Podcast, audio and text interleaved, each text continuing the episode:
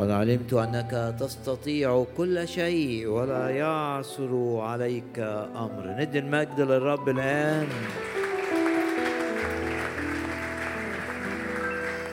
يستطيع كل شيء يستطيع كل شيء. غير المستطاع لدى الناس مستطاع لدى الرب. ارفع إيدك كده سواء كنت داخل القاعة أو في الخارج أو تتابع عبر الانترنت اعلن ايمانك ان الهك العظيم معك.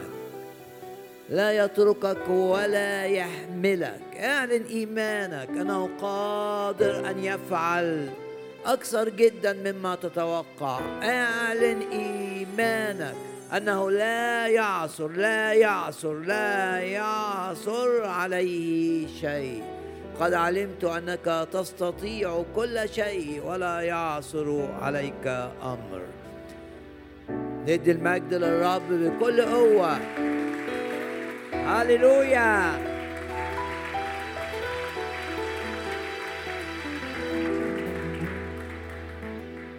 وزي ما بنقرأ في سفر التثنية من مثلك يا شعبا منصورا بالرب؟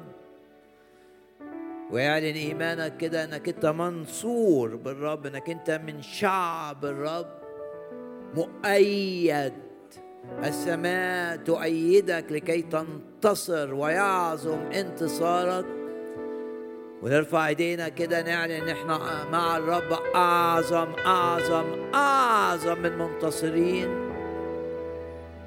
لأن ده الآية اللي بتقول يعظم انتصارنا ممكن تترجم نحن أعظم من منتصرين. قول قول كده جواك أنا باسم الرب يسوع أعظم من منتصر.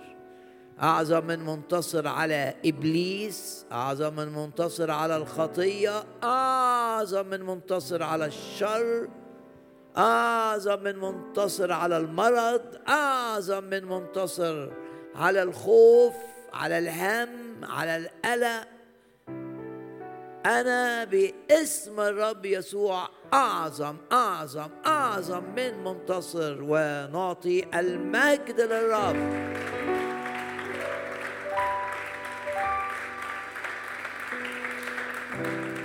هللويا. قول هللويا كده واهتف للرب.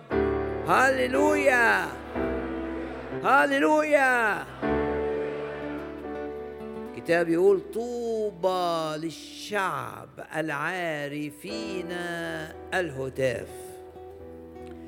ونقرأ في سفر يشوع أصحاح ستة هذه الآية المهمة.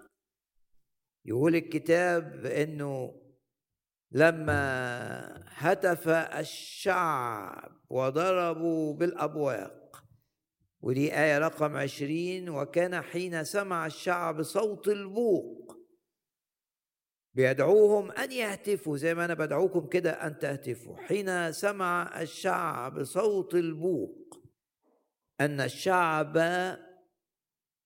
هتف هتافا عظيما.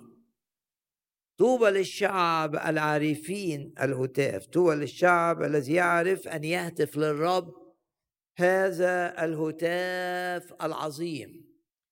كمالة الآية تقول حين سمع الشعب صوت البوق أن الشعب هتف هتافا عظيما فسقط السور في مكانه.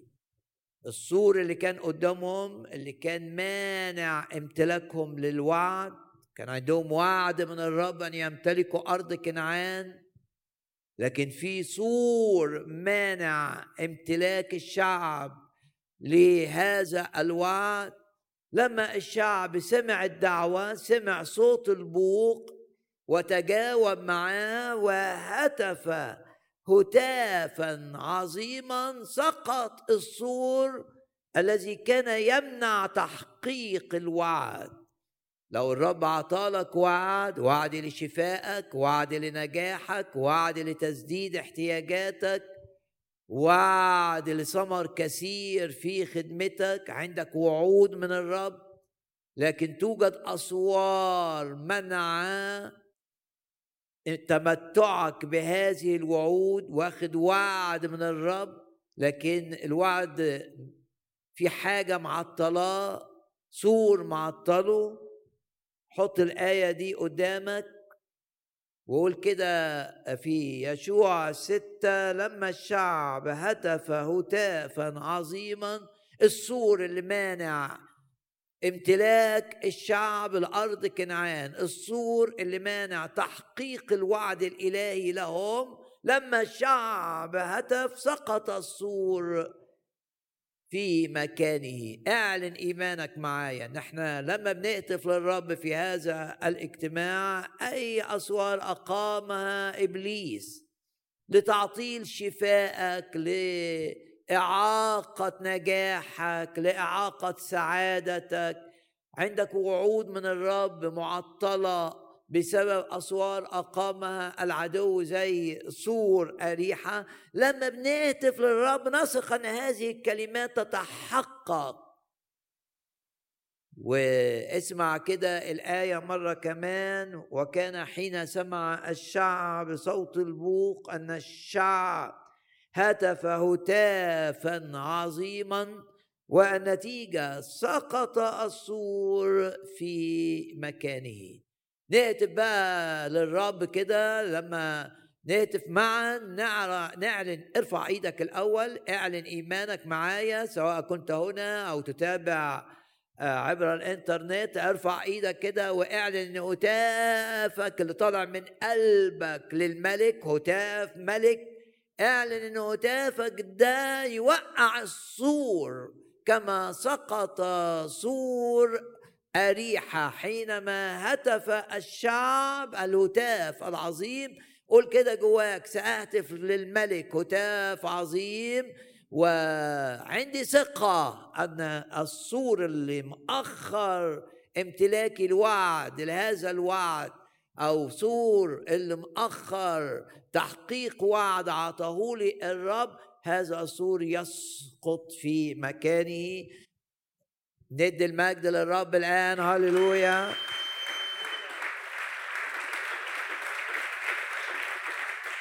اهتف كده وقول هللويا. اهتف لكي يسقط السور. هللويا. هللويا. هللويا كل ما يعطل شفائك يقع كل ما يعطل نجاحك يقع كل ما يعطل انتصاراتك يقع كل ما يعطل تحقيق وعود الرب معك. يتلاشى اهتف معايا وقول للرب هاليلويا. هاليلويا. هاليلويا. طوبى للشعب العارفين الهتاف. وحين سمع الشعب صوت البوق أن الشعب هتف هتافا عظيما فسقط السور في مكانه. في أسوار معطلة امتلاكك لوعد من الوعود في أسوار معطلة حياة القداسة في حياتك. في أسوار معطلة امتلاكك لسلام الله. في أسوار معطلة طرد الخوف من جواك طرد القلق من جواك. في أسوار معطلة هروب إبليس قدامك. اهتف مرة كمان معايا الآن قول هللويا بإيمان إن الأسوار دي تقع وتقع وتسقط الآن. هللويا هللويا. من مثلنا شعب منصور بالرب. ونعلن إيماننا إن إبليس مهزوم أمامنا. واعلن إيمانك كده بكلمات سفر العدد التي تقول إن لا عيافه ولا عرافات تقدر أن تؤذي شعب الرب. لا سحر يقدر يأذيني لا حسد يقدر يضرني لا عيافة لا عرافة تقدر أن تؤذيني أيا كان مصدرها. ارفع إيدك كده معايا واعلن إنك أنت تؤمن بدم الرب يسوع الثمين أنت بتؤمن بالدم أن الدم سفك من أجلك عطاك حياة أبدية سفك الدم في الجلجسة عطاك حياة أبدية بالدم أنت مبرر بالدم أنت مقدس بالدم أنت في العهد الجديد بالدم بتغلب الشيطان. اعلن إيمانك إن بسبب إيمانك بالدم في سحر يقدر عليك مفيش حسد يقدر يأذيك مفيش لعنات متوارثة. تأتي إليك وارفع إيدك كده واعلن إنك بتؤمن بدم الرب يسوع الثمين بترعب مملكة الشيطان وإن أي أرواح شريرة جاية تأذيك بسبب حسد بسبب سحر بسبب أمور وراثية بسبب أمور شجعت العدو إبليس أن يهاجمك ارفع إيدك كده واعلن إيمانك. إن مفيش لعنات تأتي إليك بسبب إيمانك بالدم الثمين وعظم معي دم الرب يسوع الثمين عظم الدم.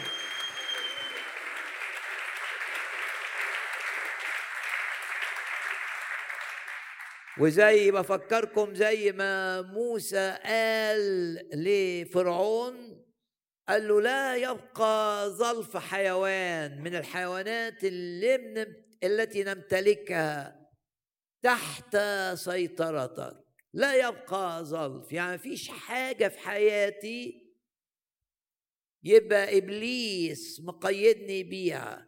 مفيش لا يبقى قيد في حياتي. لا يبقى ظلف يعني لا يبقى قيد في حياتي. ما يبقاش عندي قيد خوف ما يبقاش عندي قيد هم ما يبقاش عندي قيود ضعف ما يبقاش عندي قيد مرض ما يبقاش عندي عبودية لنجاسة ما يبقاش عندي عبودية لقيد عاطفي ما يبقاش عندي أي عبودية. لازم أبقى عارف إن الرب دفع ثمن تحريري بالكامل.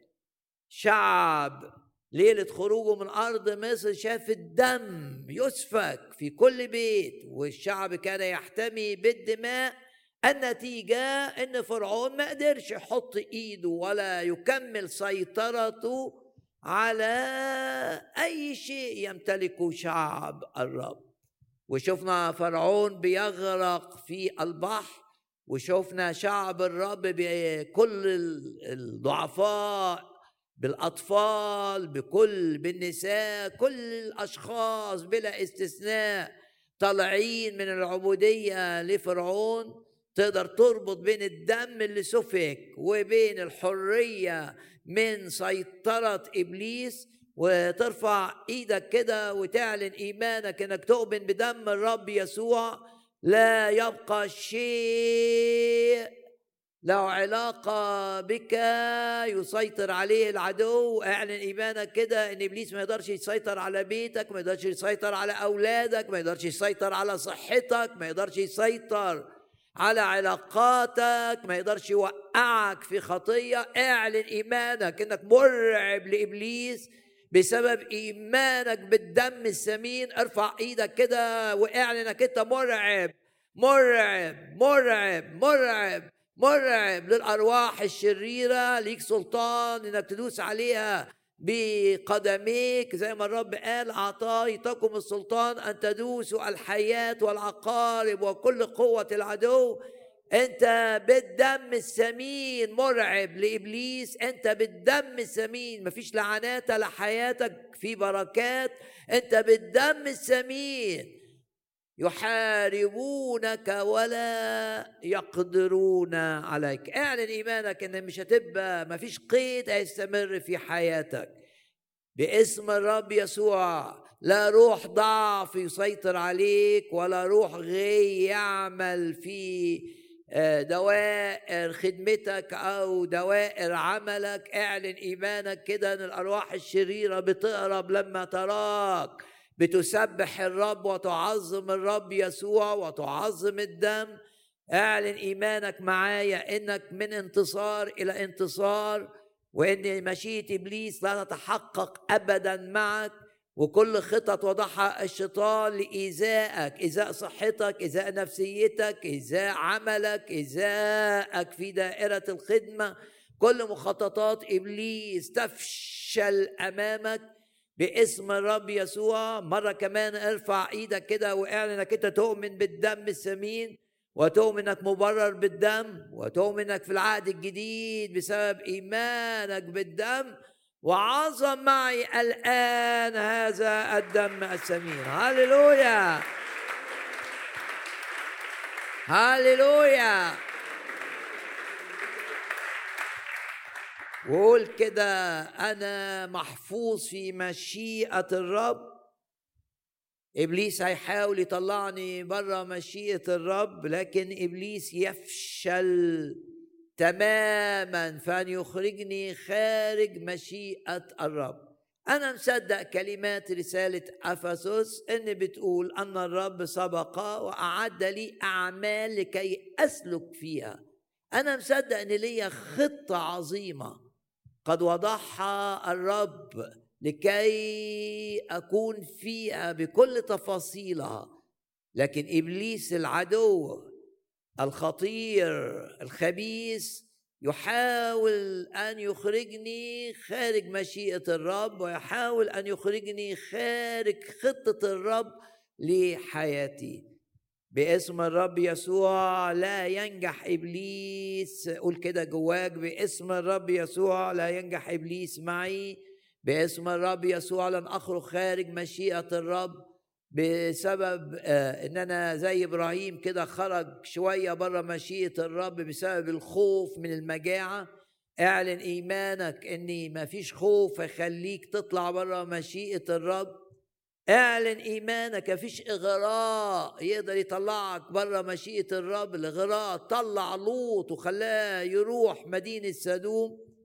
اعلن ثقتك إن لا إغراء عالمي ولا تخويف من حوادث وأمور تحدث في العالم قادرة أن تخرجك خارج مشيئة الرب.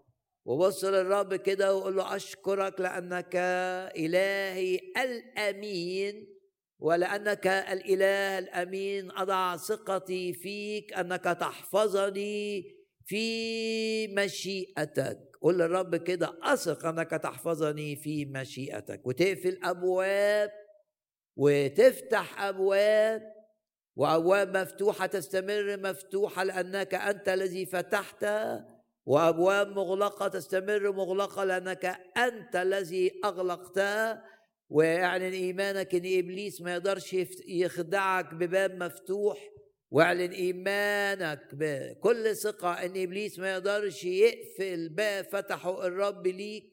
وقول كده الرب دايما بيفتح لي أبواب وبيقفل أبواب لكي أحفظ أحفظ لكي أحفظ في مشيئة الرب لأن طول ما أنا في مشيئة الرب أنا قوي بالرب طول ما أنا في مشيئة الرب أنا بتمتع بحماية الرب وحماية الرب حماية شاملة مكتوب يحفظك الرب من كل شر مكتوب ينجيك من فخ الصياد مكتوب ينجيك من الوباء الخطر طول ما أنا في مشيئة الرب بتمتع بإن الرب بيسدد كل احتياجاتي بحسب غناه زي ما بتقول رسالة فيليبي بحسب غناه في المجد. طول ما أنا بتحرك في مشيئة الرب أنا محمي من كل أذى إبليس ما يقدرش يأذيني. طول ما أنا بتحرك في مشيئة الرب أنا من نجاح إلى نجاح من مجد بتغير إلى مجد. نرفع إيدينا ونعلن برفع إيدينا حاجتين الحاجة الأولى إن إحنا عايزين نظل في مشيئة الرب. وبرفع إيدي كمان بعلن إيماني إن إبليس بيفشل بيفشل في ان يطلعني بره مشيئة الرب. وعارف إيه مشيئة الرب ليا. بعرف مشيئة الرب ليا من كلمة الله من الكتاب المقدس. إن مشيئة الرب ليا كمؤمن كشخص اتغسل بالدم الثمين كشخص اتولد الولادة الثانية مشيئة الرب ليا ان ابا مثمر لي لمجده لامتداد ملكوته ليا دور في امتداد ملكوت الرب. دي مشيئة الرب ليا. وقول كده جواك يا رب أشكرك لأن كل حاجة تحصل في حياتي ايا كانت تساهم في امتداد ملكوتك لأن دي مشيئتك ليا. إن أنا أبقى غصن في الكرمة. أنت قلت عن نفسك أنا هو الكرمة وأنتم الأغصان وكل غصن فيا يأتي بصبر. مشيئة الرب ليك إنك تصبر إنك تساهم في امتداد ملكوت الرب. قول كده مشيئة الرب تتحقق جوايا. أنا تتحقق معي جوايا إيمان إن مشيئة الرب تتحقق إن أنا أبقى مثمر لامتداد ملكوت الرب. مشيئة الرب ليا إن أنا أبقى ممتلئ بالروح القدس ممتلئ بقوة الروح ممتلئ بحكمه الروح مؤيد بمواهب الروح. دي مشيئة الرب ليا. بعلن إيماني إن مشيئة الرب ليا تتحقق في حياتي. مشيئة الرب ليا إن أنا أبقى في صحة جيدة. مشيئة الرب ليا إن أنا أبقى ناجح. كل ما أصنعه وأنجح فيه ونجاحي يدي مجد للرب.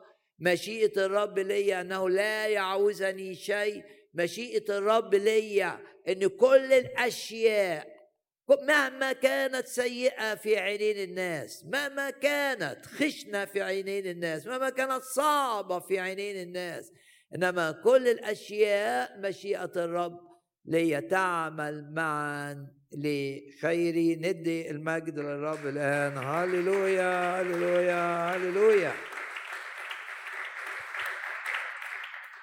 وبفكركم بكلمات مزمور 84 الكلمات هذا المزمور هذا مزمور عظيم في الواقع. لأني اللي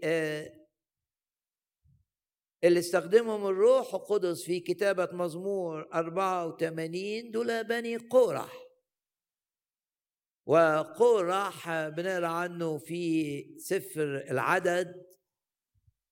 إنه شخص سيء جدا شخص تمرد عمل ثورة على النظام اللي وضعه الرب تمرد على المشيئة الإلهية.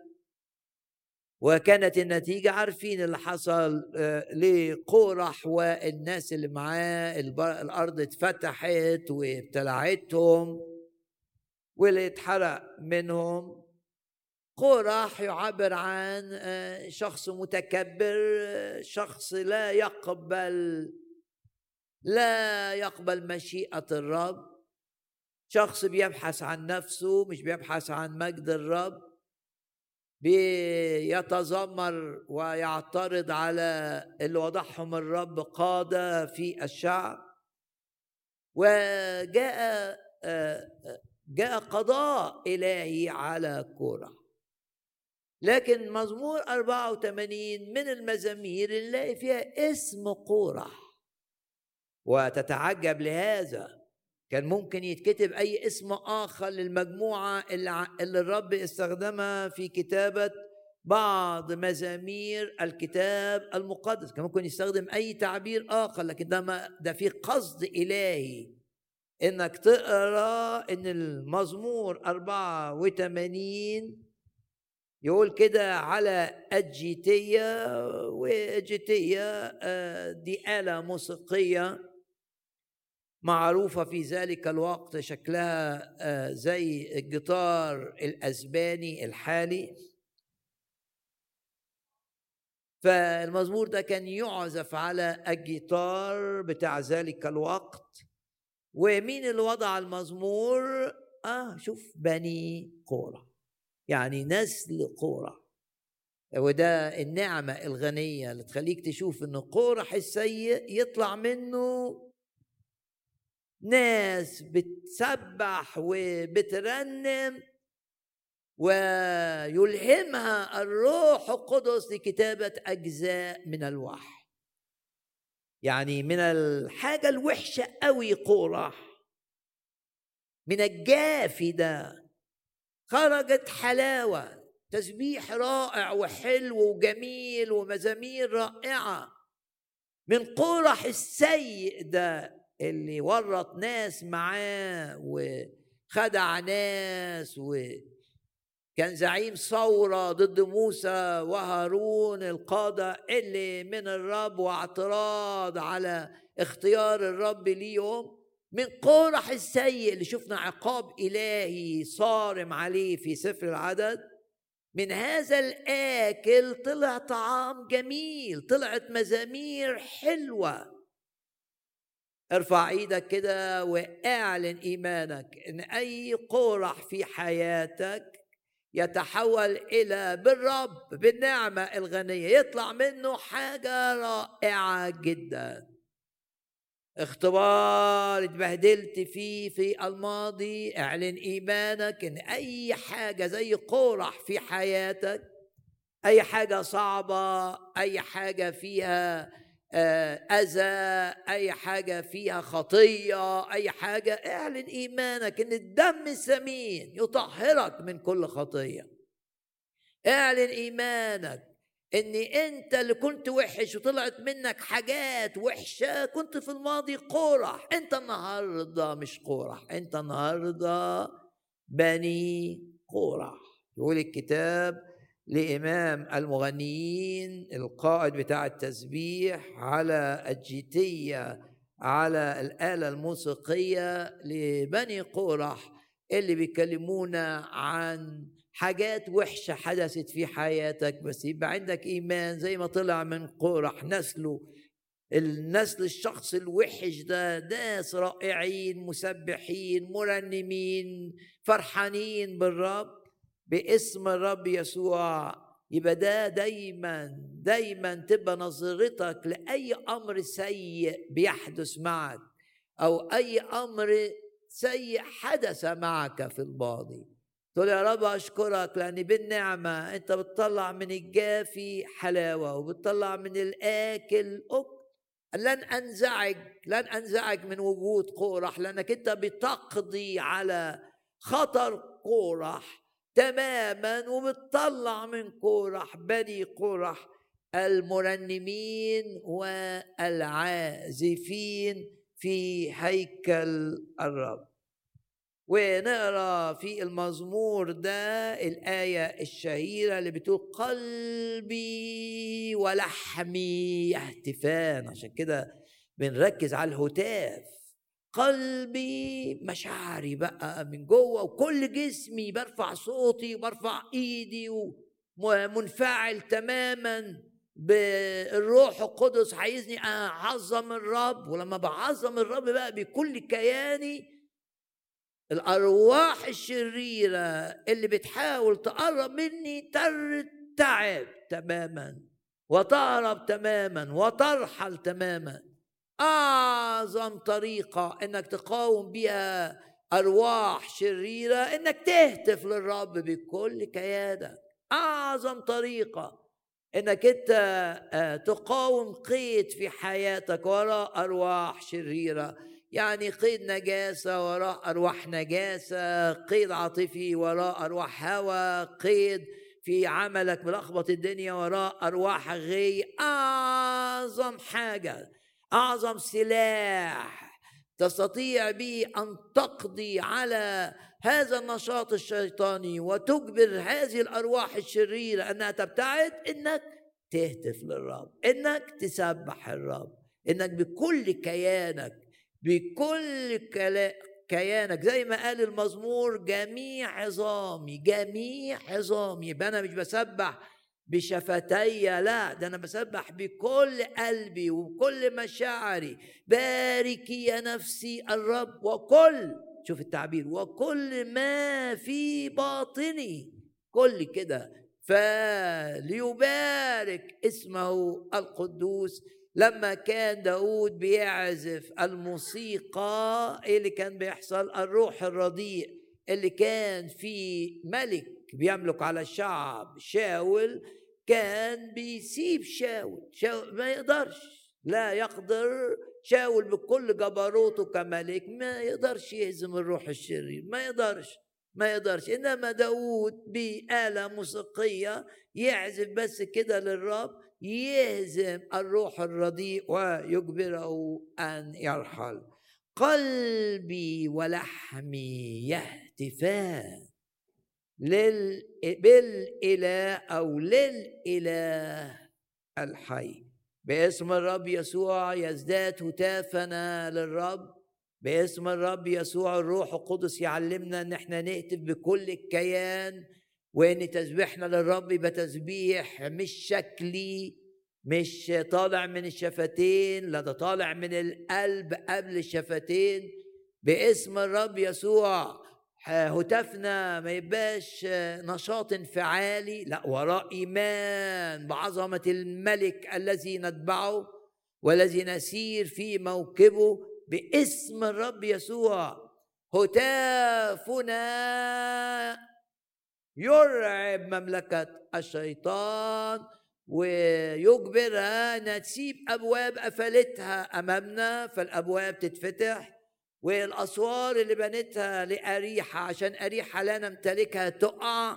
زي ما شفنا لما الشعب هتف هتاف عظيم سقطت هذا السور سقط في مكانه. يعني إيه في مكانه؟ يعني في لحظة. في وقت قصير تحسم الأمور حينما حياتنا تبقى انشغال انشغال بالرب والملك وتسبيح الملك. جواك خوف رنم وسبح هتلاقي الخوف راح. جواك شك في أي أمر حقيقة إلهية رنم وسبح هتلاقي نفسك جواك رجع الإيمان. جواك ضعف حاسس بإنك ضعيف حاسس إنك خامل حاسس إنك كسلان حاسس إنك مش منتعش حاسس بإنك مش قادر تتحرك وضغوط عليك. رنم وسبح وقاتف هتلاقي الخوف هرب والقلق هرب والمرض هرب. وفي هذه جميعها يعظم انتصارنا بالذي أحبنا. ندي المجد للرب الآن. هللويا.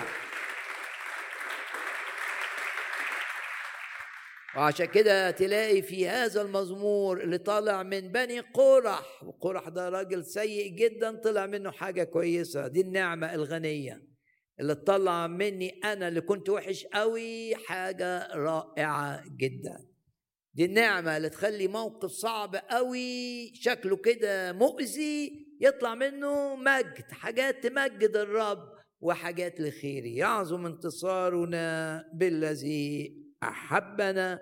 يقول كده في آية أربعة طوبى للساكنين في بيتك أبدا يسبحونك. دايما بيسبحوك ودايما بيعظموك.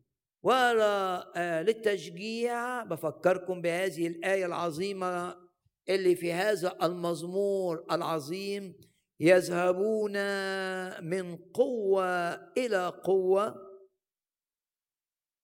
يذهبون من قوة إلى قوة يرون قدام الله في صيون يعني جايين عشان يبقوا في محضر الرب. وكانوا يقول لك دول طالعين إلى أورشليم جايين من كل مكان. ده وصف لشعب الرب. لما كان بيطلع يسيب ال... كل واحد بيسيب المدينة بتاعته والقرية بتاعته وياخد عيلته كده ويطلعوا إلى أورشليم. أورشليم في مكان مرتفع من الشمال من الجنوب من من شرق نهر الأردن من كل مكان كانوا في ثلاث أعياد رئيسية يطلعوا لكي يحتفلوا ويسبحوا الرب.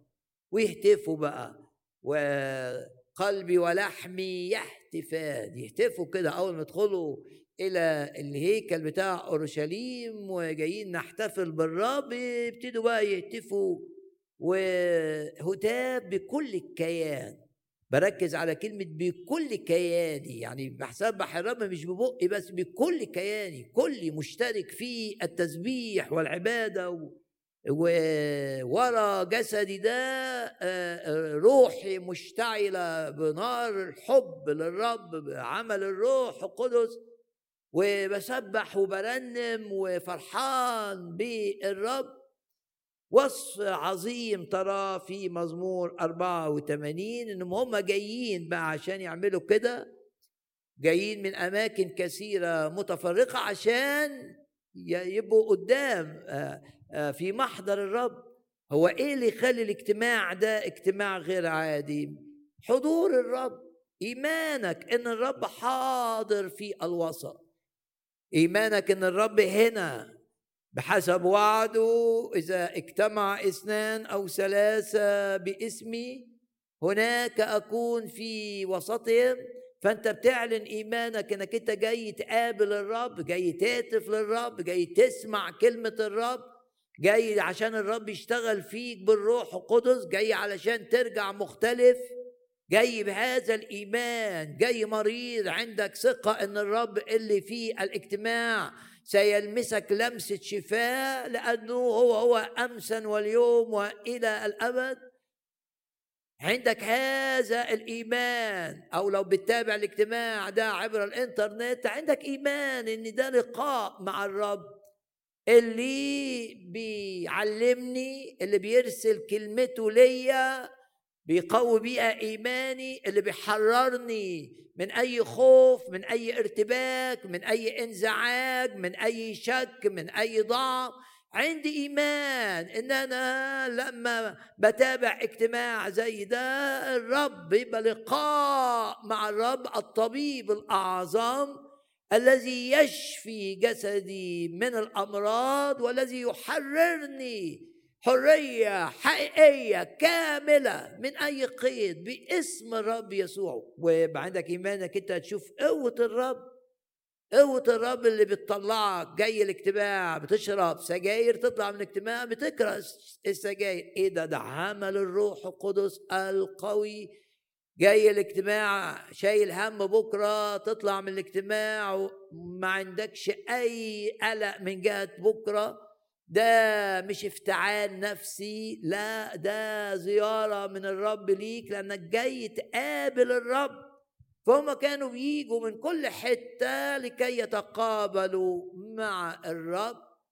وهم جايين كان بيبقى في صعوبات كثيرة في الطريق وحتت كانت بتبقى صخرية مليانة صخور وحتت مليانة شوك وحتت متعبة وهم جايين من بلاد ومدن آه، مختلفة عشان يوصلوا إلى أورشليم. لكن شوف الاختبار اللي بيقولوه بني قورح في هذا المزمور وآية رقم سبعة. يذهبون من قوة إلى قوة.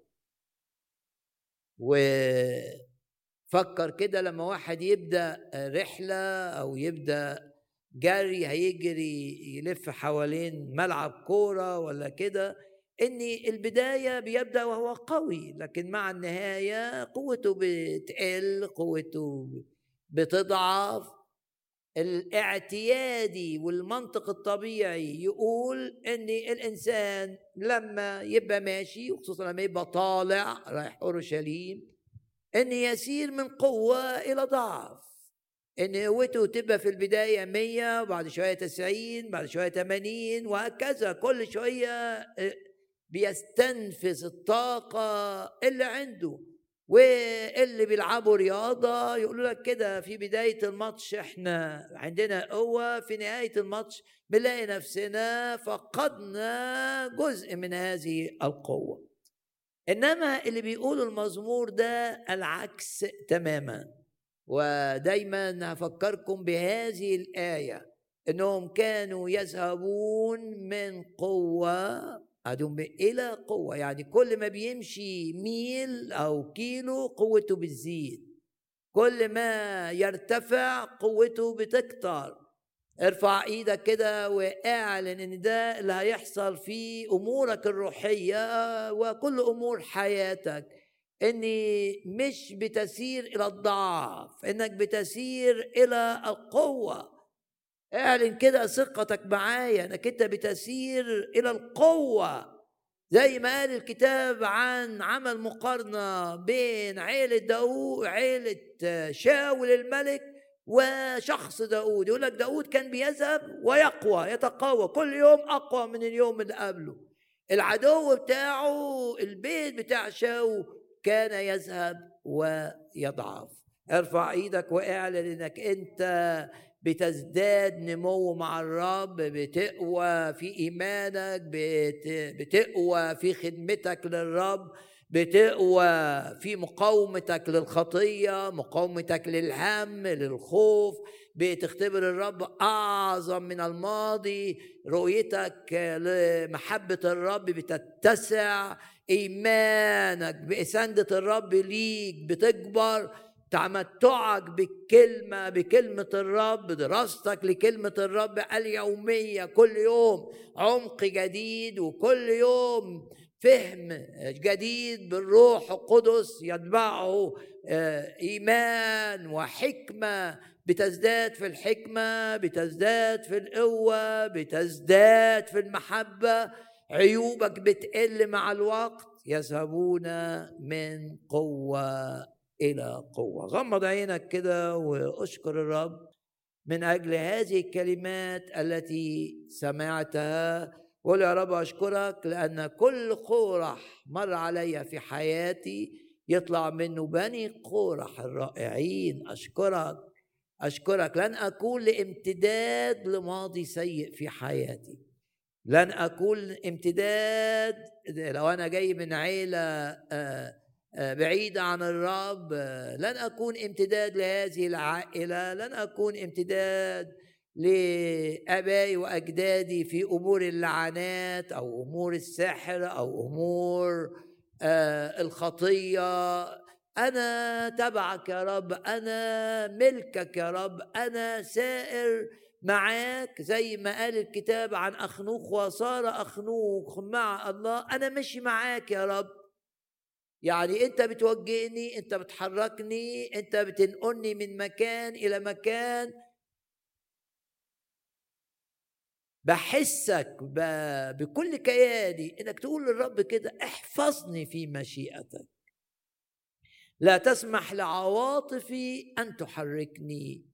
ولا تسمح للخوف أن يحركني ولا تسمح لأي لأي إغراء أن يحركني. أنا عايز أتحرك وابى في مشيئتك في كل أمور حياتي مكان عملي مكان إقامتي مكان العبادة للرب مكان الخدمة للرب.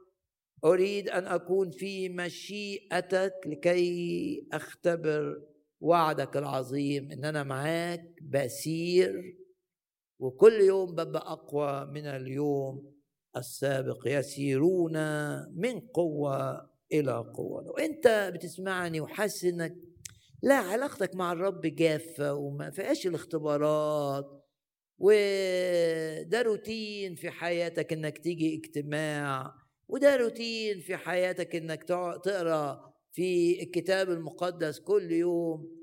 وحاسس كده إن الحياة الروحية بقيت إيه مش مش أول حاجة في حياتك عظيمة. اهتمامك الأول مش روحي اهتمامك الأول بأمورك بشغلك لكن مش بالكتاب المقدس وان يبقى عندك عمق في الكلمة اهتمامك الأول مش إزاي تخدم الرب وإزاي الرب عايز يفاجئك بإعلانات خاصة مش اهتمامك الأول بالروح القدس إنك تمتلئ بالروح وتختبر عمليا ثمر الروح وتختبر عمليا مواهب الروح القدس. شايف؟ لا أنت مش كده.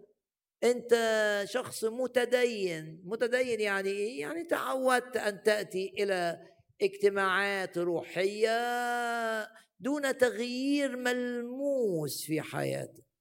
يعني تبقى زي ما أنت من سنة زي ما أنت من سنتين هي نفس دوافعك هو نفس مجهودك هو نفس عطائك الروحي. مش صدفة إنك أنت بتسمعني بقول لك لا أرفض ده في محضر الرب. الرب يريد أن يسمع منك. أنا مش عايز أستمر كده. تقولها بكل كيانك. أنا يا رب مش عايز أستمر كده. مش عايز أستمر نفس الشخص.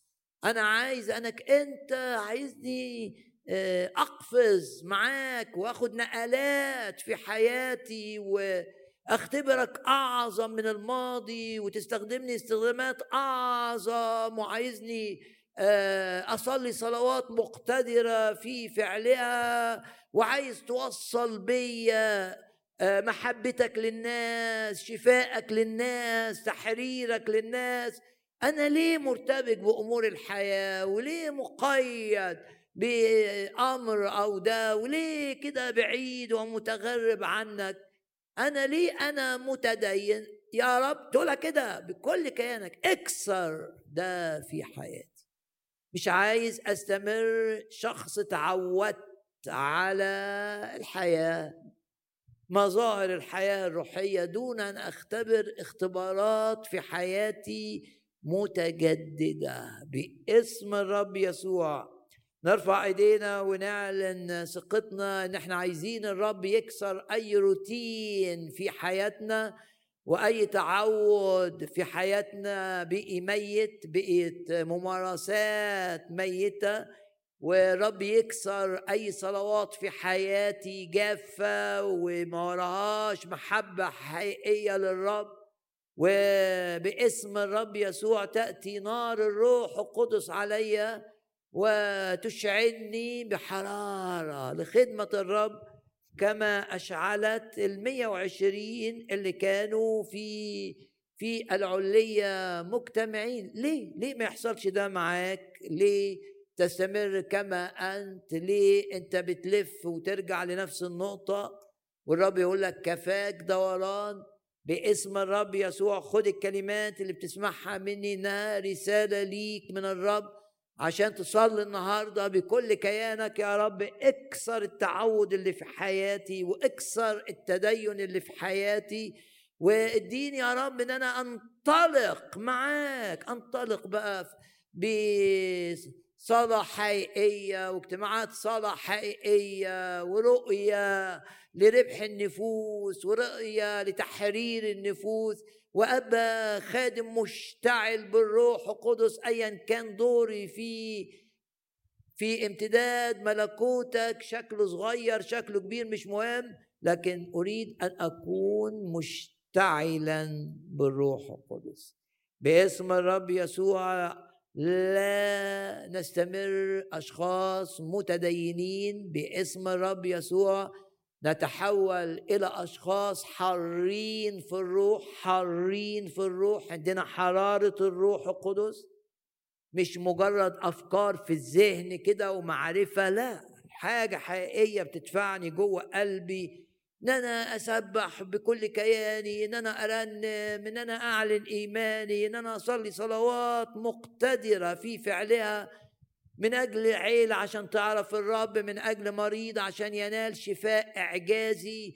عندي بقى صلوات الإيمان وعندي الآيات بقى أسلحة في إيدي بواجه بيها أفكار بين إبليس محبطة وأفكار إبليس عايزك زي ما أنت كده يعني عايزك زي ما أنت.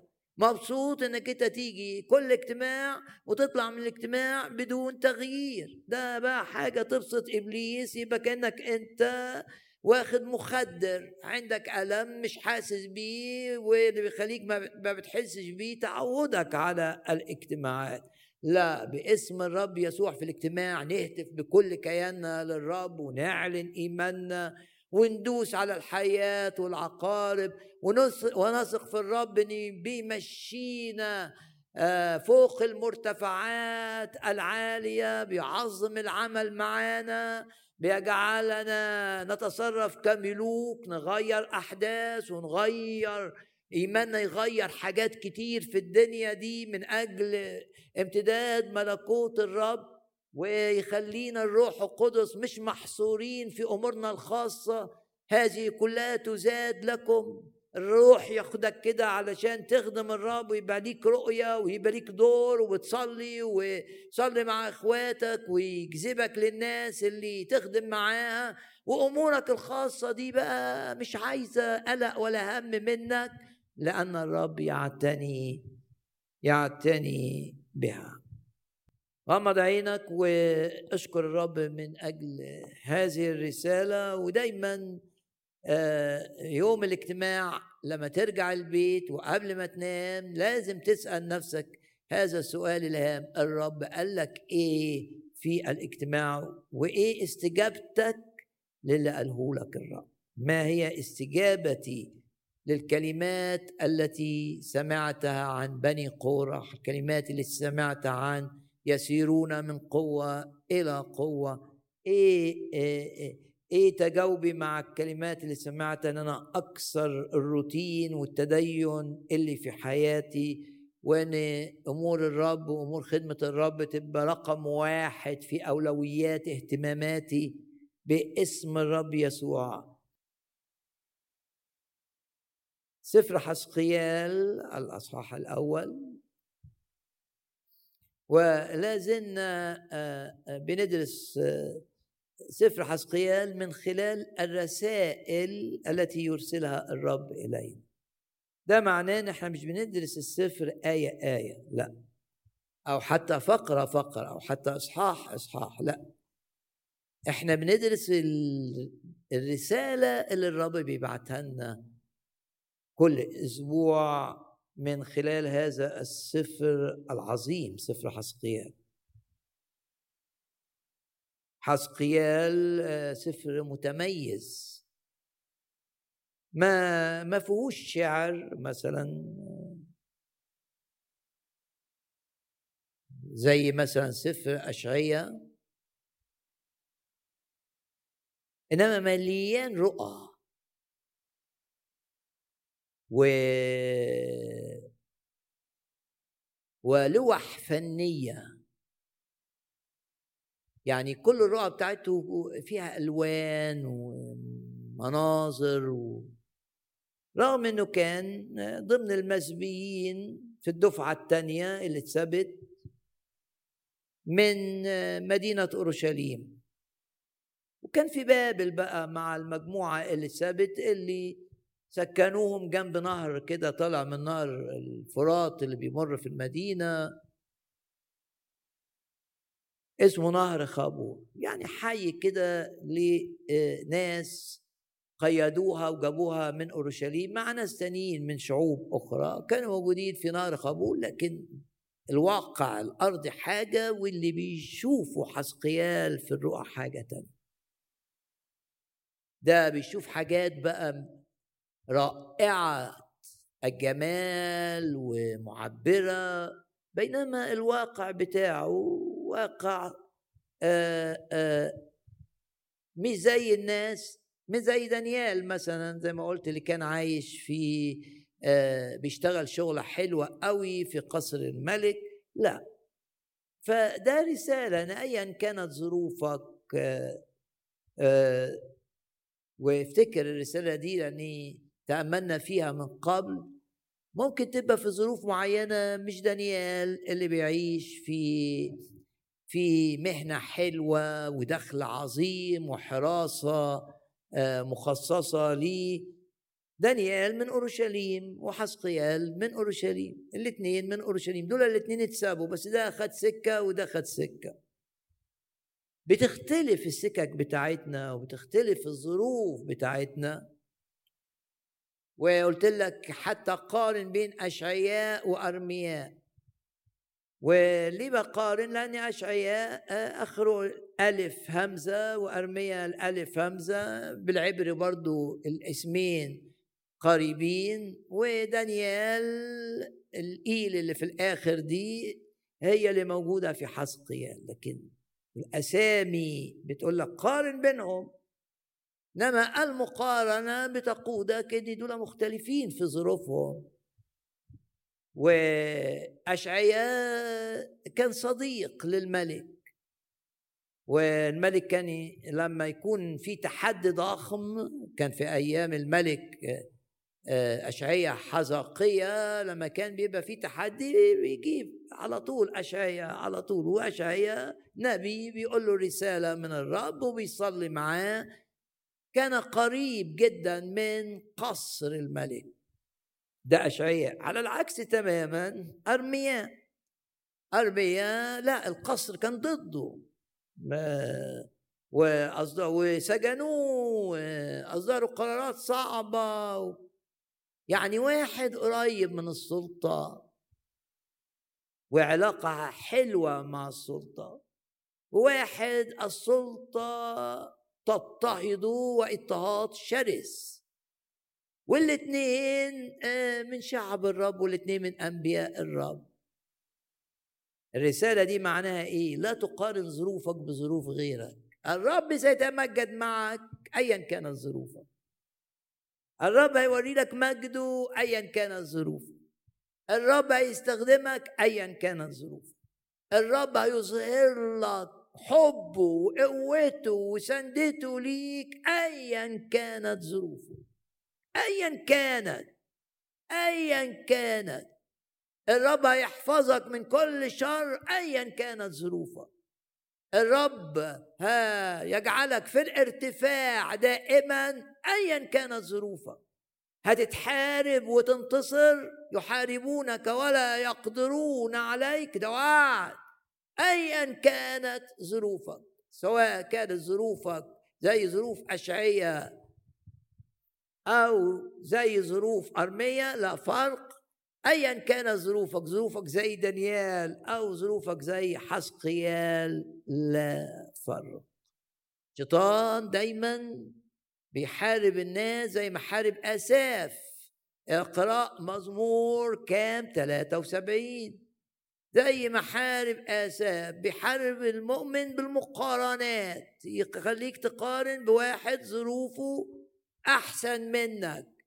يخليك تقارن بظروفك الحالية بظروف سابقة. لا أنت لا تستجيب لمحاولة إبليس أن يتعبك. يقول لك إيه ليه أنت يحصل معاك كده وغيرك ما يحصلش معاك كده؟ ليه؟ ليه أنت يا أرمية يحصل لك كده وأشعية اللي كان قبلك ما حصلهوش كده؟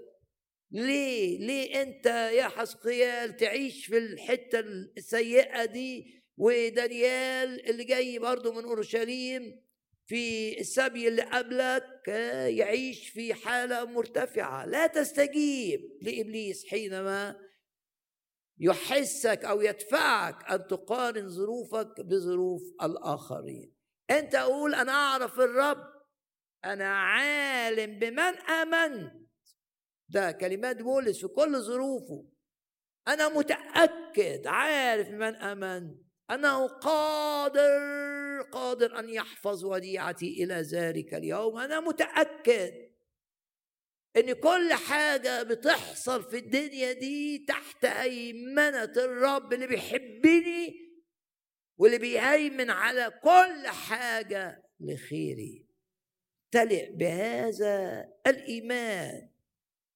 وأفكرك بالكلمات العظيمة اللي قالها آه، الرسول بولس للمؤمنين في كنيسة كورنثوس وكلنا محتاجين إن إحنا نسمع كلمة الرب.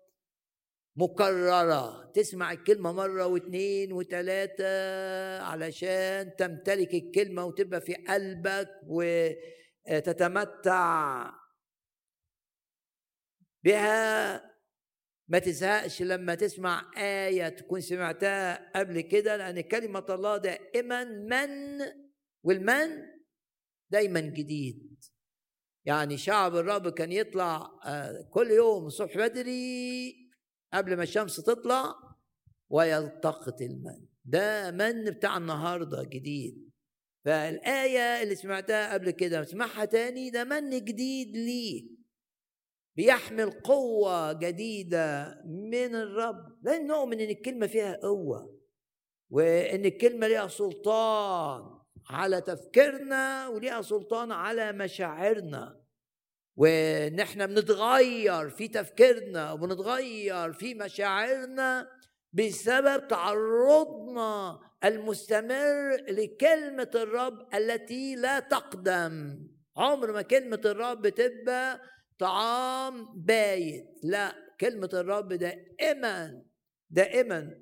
وحتى المن كان ينزل بعد الندى والندى يتكلم عن الأمور الجديدة. رمز المن في الكتاب رمز الندى في الكتاب المقدس. المن كان يجي بعد الندى والندى يتكلم عن بداية جديدة للعشب الزبل ده يجي عليه الندى في الفجر يخليه كأنه جديد. باسم الرب يسوع باسم الرب يسوع. ورسالة بولس الرسول الأولى إلى أهل كورنثوس اعرف ان كل شيء لكم يعني كل حاجة بتشتغل خيرا. وكم كان مخطئا جدا يعقوب لما قال في لحظة عدم عدم آه، إيمان لما كان مع في لحظة كده آه، إيمانه وقع. وقال كل ده بقي ضدي كل ده صار عليا. كان مخطئ جدا. لأن في الوقت اللي كان بيقول الكلمة دي كان الرب بيحرك كل الحاجات اللي هو بيشكي إنها حصلت وتعباه كان الرب بيستخدمها لمجده ولخير أولاده وأحفاده وعيلته. بس في لحظة عدم الإيمان قال كده صار كل هذا عليا. إنما بعد كده لقي إيد الرب بتقول له لا كل حاجة لخيرك وكل حاجة حصلت لخيرك وحدثت بسماح مني وحدثت بحكمة الرب يقول لك بحكمتي أنا. ما تحكمش على الأمور في وقت حدوثها. انتظر الرب واللي بينتظر الرب بيتجدد في القوة واللي بينتظر الرب بيبقى زي النسر يرفع أجنحة كالنسور. انتظر الرب وبيحول الحاجة الوحشة لحاجة كويسة. وهنا الرسول بولس بيقول في كورنثوس الأولى أصحاح ثلاثة ويؤكد مرتين كل شيء لكم كل شيء لكم. مفيش حاجة ضدك. يقول له الخدام دول أنا عملتهم عشانك بكل مواهبهم. سواء كانت موهبة بولس أو موهبة أبولس أو موهبة بطرس العالم كله ده أنا بتحكم فيه من أجلك من أجل كل المؤمنين اللي بيثقوا فيا الأشياء الحاضرة اللي أنت فيها دي ليك دي تحت هيمنة الرب لخيرك تحت هيمنة الرب عيلتك الصعبة اللي أنت عايش فيها اعلن إيمانك إن العيلة الصعبة دي في إيد الرب. لكي يستخدمها لتحقيق أمور عظيمة في حياتك. اخوات يوسف بحسب المنطق ناس مجرمين ناس هيقتلوه لكن كانوا الخير وكانوا المجد. وهو نفسه قال لهم كده في الآخر أنتم قصدتم بي شرا لكن الرب قصد بالشر اللي بتعملوه ده استخدموه لخيري.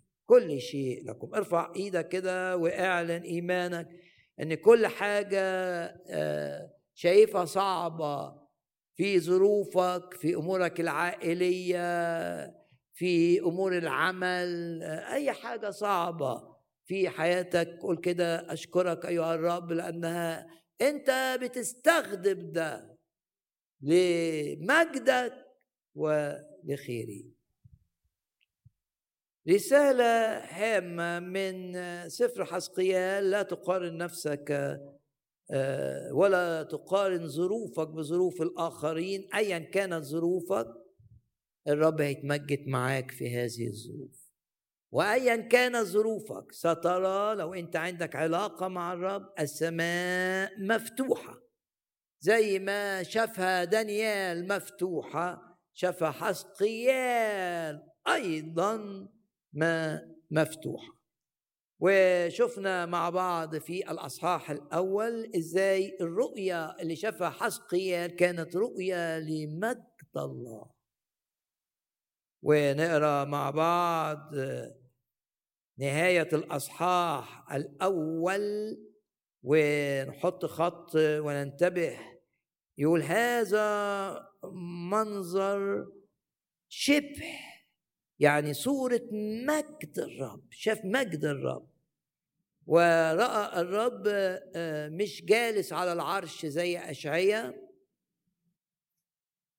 شاف الرب جالس على مركبة تتحرك. منظر آخر لأن دي كلها رؤى إعلانات لحقائق روحية بوصف مادي بيوصف بالمادة بالأمور المادية أمور في عالم الروح. ففي عالم الروح حسقيال شاف الرب جالس على عرش ثابت لا على عرش متحرك. واللي بيتحرك العرش ده تقرأ كده إنه آه، محطوط فوق. إيه اللي شايل العرش ده؟ أربعة أربعة كائنات ملائكية يقول عنها الكتاب هنا ومن وسطها شبه أربعة حيوانات.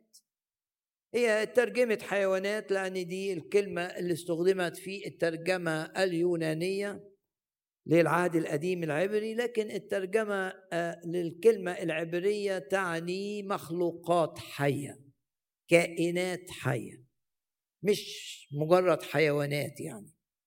دول اللي كانوا بيتحركوا بالعرش الإلهي. المركبة الإلهية عبارة عن أربعة كائنات روحية شافها حسقيان. و آه، كلها بتدي شكل إنسان يعني زي إنسان. بقى عنده أربع أشخاص. يقول كده لها شبه إنسان آية خمسة. ولكل واحد يبقى الرؤية اللي شافها لمجد الله إن شاف الرب على عرش وعرش بيتحرك. مركبة والمركبة عبارة عن أربعة كائنات روحية. أربعة مخلوقات روحية أربعة خلائق روحية. بتدي شكل الإنسان. ولكل واحد بقى من الأربعة دول بيعملوا أركان أربعة. وهم متصلين ببعض. تقول لي متصلين ببعض إزاي؟ أقول لك كل كائن من دول كل مخلوق أو خليقه روحية من دول ليه أربع أجنحة الجناحين اللي فوق مبسوطين كده وبيلمسوا بعض. يعني كله جناح من هنا يلمس اللي هنا وجماح من هنا يلمس اللي هنا. فالأربعة كأنهم بيعملوا مربع بالأجنحة المتلامسة. ده عشان تتصور الرؤية. مركبة عبارة عن أربعة كائنات روحية ليها أربع كل كائن ليه أربع أجنحة والجناحين اللي فوق بيعملوا اتصال بين الأربعة وبيتحركوا بالمركبة معا. حركة واحدة بلا تردد. وبعدين في آية ستة ويقول لك ولكل واحد أربع أوجه يعني كل كائن ده اللي شكله إنسان الأربعة اللي في الأركان الأربعة. ليه أربع أجنحة؟ يبقى هم عددهم أربعة وكل واحد ليه أربع أجنحة وكل واحد كمان ليه أربع وشوش. وبالتالي من أي جانب هتقدر تشوف الوشوش الأربعة بتاعت كل واحد. يعني ما شفتهاش في ده تشوفها في اللي جنبه بيكملوا بعض. و الوشوش الأربعة لكل واحد نقراها فين؟ في آية رقم عشرة. أما شبه وجوه فوجه إنسان ووجه أسد ووجه صور ووجه نسر. وأما أجنحتها فمبسوطة من فوق لكل واحد اثنان متصلان زي ما قلت أحدهما بأخيه والاثنين الباقيين يغطيان لأنه عنده أربع أجنحة أجسامهما. ولازم تبقى متأكد إن كلمة الرب عايزة تقول لك رسالة من الجزء اللي أنت بتسمعه الآن في هذه الرؤية العجيبة اللي مليانة آه، أوصاف وتعبيرات. أول حاجة تلاحظ في الرؤية دي في الجزء اللي أنا قلته رقم أربعة. إنهم أربع كائنات ولكل واحد أربع أجنحة ولكل واحد أربع أوجه. يبقى إذا رقم أربعة رقم بارز في هذه الرؤية. وده على طول يفكرك بأن أول أصفار في العهد الجديد أربعة أصفار بيصفوا حياة الرب يسوع لما كان على هذه الأرض. وصف حياة الرب يسوع هو على الأرض موجودة في إنجيل واحد لا. جيل واحد لا يكفي. إنما حياة الرب موجودة ومشروحة لينا قصة حياته قصة تجسده مشروحة لينا في أربع أناجيل. متى مرقس لوقا يوحنا. ورقم أربعة في الكتاب المقدس بدون الدخول في الإشارات اللي, اللي تؤكد هذا. تكلم إن دول العالم ده الأرض. أرض ليها اتجاهات شمال جنوب شرق غرب. الأرض فيها أربع فصول في السنة. اليوم بتاعنا عدد الساعات فيه في رقم أربعة. رقم أربعة هو رقم الكون. ومعنى كده إيه؟ تقول لي طب معنى كده إيه؟ إن الرب يسوع لكل العالم. أربع أناجيل. رقم أربعة ده معناه إن أتى لأجلك أنت أيا كان حالتك وأيا كان وضعك وأيا كانت خطاياك وأيا كانت الماضي بتاعك. رقم أربعة بيقول إن الرب هكذا أحب الله العالم. أنت عايش في بلد فقيرة أنت عايش في بلد غنية أنت جاي من عيلة آه آه غير ناجحة أنت جاي من عيلة ناجحة لا فرق يسوع جاي عشانك أنت. ايا كانت ظروفك وايا كانت البلد اللي أنت عايش فيها وايا كان انتمائك. جاي من عيلة عرفت الرب ولا جاي من عيلة كانت بتقاوم الرب. الرب أتى لك ورقم أربعة بيتكلم عن إن الرب أتى لأجل الجميع. مات لأجل الجميع. هكذا أحب الله العالم. ناس اللي في كل حتة لازم تشوف إن الرب بيحبها جدا والرؤية دي إيه الفرق بين الرؤية الأربعة اللي في سفر حسقيال والأربع أناجيل؟ إن الرؤية هنا كانت رؤية فيها قضاء إلهي على الشر اللي كان منتشر في ذلك الوقت. إن الرب بيتحرك من أجل القضاء ان بيقضي لأنه قدوس القديسين لأن شعبه تجاهل كلمته لأن شعبه تمادى في الخطية. وزي ما قلت لك قبل كده أوعى تتمادى في خطية. أوعى تمشي في سكة عارف إنها مش سكة الرب. مش ممكن مش هتتعب مش ممكن. إذا الرب سابك شوية دي نتيجة حتمية. شئت أو لم تشأ. ان الخطية لها نتائج صعبة. إذا ما وقفتش قدامها وقفة حاسمة وقلت للرب آه، ساعدني لكي أتحرر منها.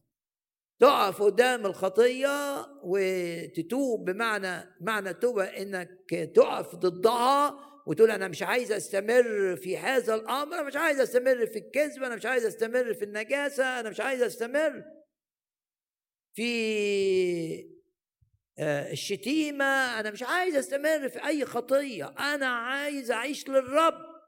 لما تقف خلاص لكن تتمادى في خطاياك. لا يمكن لشخص يتمادى في الخطية ولا يقف أمامها أن ينجو من نتائجها. وده الإعلان اللي لشعب الرب من خلال هذه الرؤية. تروحوا فين؟ تهربوا في أي مكان؟ تروحوا بابل؟ تقعدوا في أورشليم؟ في أي حتة في الأرض؟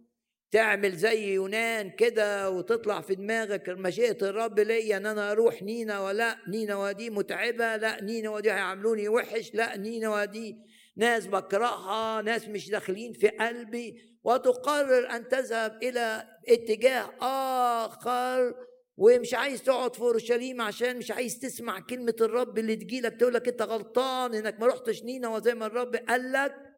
وتاخد سفينة وتطلع بيها بعيد بعيد بعيد إلى زي ما قال الكتاب إلى ترشيش. النتيجة؟ هتلاقي الرب يلحقك بالعصايه وتجد نفسك في النهاية في داخل بتغرق في المية وتتألم آلام صعبة. تألمها يونان لما رموه في المية وهو وصف هذه الآلام بتاعته وتلاقي نفسه بعد كده جوه حوت وبيصرخ للرب ويرجع للرب. طب كنت إيه اللي خلاك تماديت في إصرارك إنك ما تروحش إلى آه، الحتة اللي الرب عايزك آه، فيها.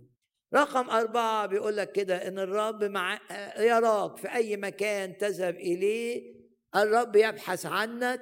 في إنجيل الأناجيل الأربعة هنا بنجد القضاء الإلهي القضاء على الشر نتيجة الخطية الإله القدوس اللي لا يسمح للخطية أن تستمر بلا عقاب. لا يسمح الرب طبيعته لا تسمح بهذا. ممكن يبقى طويل الأناة لكن يجي وقت خلاص. وده اللي بتقراه في سفر الرؤيا.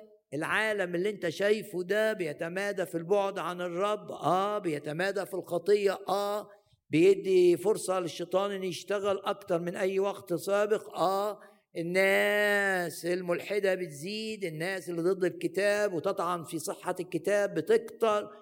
لكن ده يستمر كده على طول؟ لا. سفر الرؤيا يقول لك يأتي وقت وتسمع بقى آه، عن آه، أختام سبعة بتتفتح وقضاء جاي على الأرض وتسمع بعد كده آه، أبواق من ملائكة بتعلن ضربات رهيبة على الأرض وبعدين تسمع جماد بتيجي على الأرض وكوارث بلا بلا حدود بتحصل للأرض ليه؟ لأنهم تمادوا في الشر يقول لك زي ما كان في أيام آه، نوح الناس تمادت في الشر فاكره إن الشر ده ملوش عقاب إلهي فاكره إن الشر ده حاجة عادية وكانت النتيجة في أيام نوح والرب قال كده كما كان في أيام نوح هكذا سيكون في النهاية. الرب واضح في كلامه يقول لك كانوا عايشين حياة عادية ربنا ده مش موجود آه، مش مهم هو قال إيه مش مهم إن إحنا نهتم بالكلمة اللي بعتها لنا مش مهم إن إحنا نعيش القداسة. يقول كده زي ما كان في أيام نوح هكذا يكون. آه، واقرا اقرا لكم الآيات دي في إنجيل آه، متى. يبقى دي رؤية حسقيال يعني حسقيال رأى الكائنات الأربعة دول بيعلنوا غضب إلهي قادم حتما. ما جاي يعني جاي إذا الناس ما لحقتش نفسها ورجعت للرب بقلبها. وأقرأ لك الآية اللي في إنجيل متى أصحاح 24 كما كانوا في كما كانت أيام نوح آية 37 كذلك يكون أيضا مجيء الرب لأنه كما كانوا في الأيام التي قبل الطوفان يأكلون ويشربون ويتزوجون ويزوجون إلى اليوم الذي دخل فيه نوح الفلك ولم يعلموا. كان عندهم غيبوبة ناس كتير عندها غيبوبة. مش شايفة آه، الرب ولا شايفة اللي هيحصل ليها آه، لأنها لم تقبل خلاص الرب. يقول كده الكتاب آه، باسم الرب يسوع مفيش حد بيسمعني يبقى تايه كده ومش مدرك إن إن الرب يسيطر على الأحداث ويسيطر على التاريخ ويسيطر على آه، السياسة ويسيطر على الاقتصاد ويسخر كل هذه الأمور لتحقيق أهدافه ومقاصده. ده سفر حسقيال باختصار. بيقول كده. هنا بقى ولم يعلموا حتى جاء الطوفان وأخذ الجميع. كذلك يكون أيضا مجيء ابن الإنسان. إيه الفرق بقى بين رقم أربعة في سفر حسقيال ورقم أربعة في العهد الجديد؟ ان الأربع أناجيل بيقدموا النعمة بقى.